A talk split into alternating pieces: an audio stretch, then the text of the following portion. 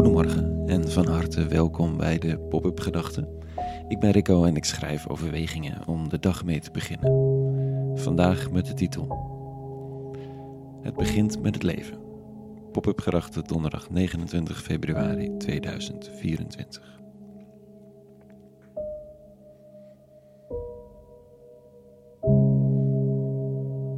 Je zou kunnen zeggen dat de ontdekking van de ellende van de voedselindustrie in onze wereld, ellende voor dier, milieu, mens, leidde tot vegetarisch eten bij ons. Niet dat we het eten van een stukje vlees aan zich problematisch vonden. Zeker als dat dier met liefde is verzorgd, er een eerlijke prijs voor wordt betaald en de klimaatimpact mee wordt gewogen in hoeveelheid vlees en manier van zorgen voor het beest. Maar goed, dat zijn nogal wat mitsen en maren en gezien de hoeveelheid mensen op de planeet en de hoeveelheid beschikbare ruimte, de uitstoot, weet ik wat niet al. Vegetarisch was gewoon een logische optie. Toch is het eenzijdig en te simpel om te zeggen dat kennis leidde tot handelen. Het is minstens zo waar om het andersom te beweren. Dat er aanleiding was om steeds vegetarischer te gaan eten. Maar dat echte kennis over hoe de wereld van de vleesindustrie en de situatie van het klimaat in de wereld, dat echte kennis daarover kwam na de switch in ons menu. Gaat dan kennis nou aan de handeling vooraf? Of is dat net zo goed andersom? Gaat liefde aan de relatie vooraf? Of volgt die erop? Is verliefdheid gewoon de tool om twee mensen bij elkaar te krijgen, maar het houden van is dan iets wat daarna kan ontstaan als je jezelf al in de relatie bevindt? Met spiritualiteit en geloof is er iets dergelijks aan de hand. Sommigen beweren dat ze niet in een God kunnen geloven en dat daarom de wereld van geloven ontoegankelijk voor ze is. Terwijl de handelingen van geloven leiden tot een inzicht in wat er eigenlijk bedoeld wordt met geloven en het idee van een God. En leer je door je over te geven aan de rituelen, aan de veronderstellingen, aan de hoop dat er misschien wel zoiets als een God bestaat, maar dat het totaal om iets anders gaat dan je eigenlijk had gedacht. Geloof begint niet met kennis. Het begint met het leven. Stanley was een van de grootste theologen uit de Verenigde Staten, een radicaal pacifist. Schreef een hoofdstukje over de Bijbel in een van zijn boeken met de titel Hoe trekken we de Bijbel uit de handen van Noord-Amerikaanse christenen?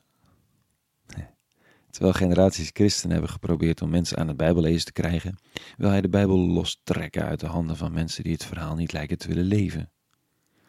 Niet dat dit geldt voor alle Noord-Amerikanen, maar de mensen die met de Bijbel in de hand een oorlogszuchtige, mensonterende route inslaan.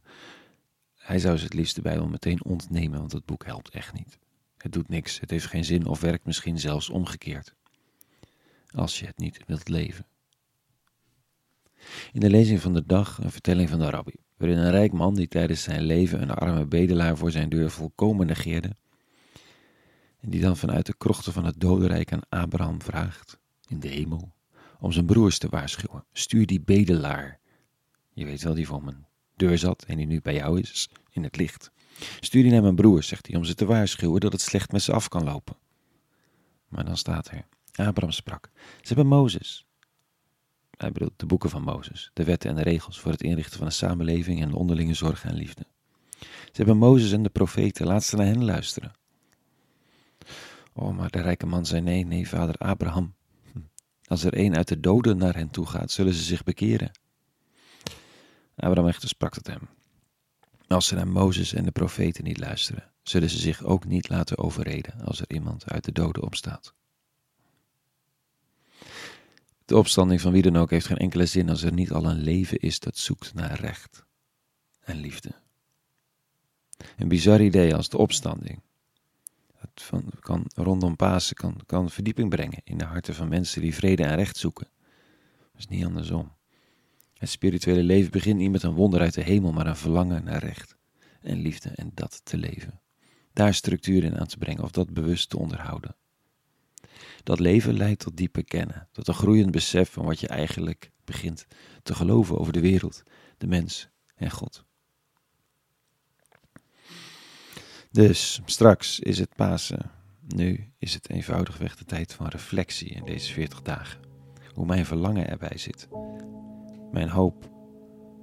Een leven van liefde en recht. Mijn hoop op een leven van liefde en recht en zorg en genade. Die reflectie Dat is een prima thuisbesteding. Tot zover vandaag even. Een hele goede donderdag gewenst. Meer over de pop-up gedachten te vinden op www.popupgedachten.nl.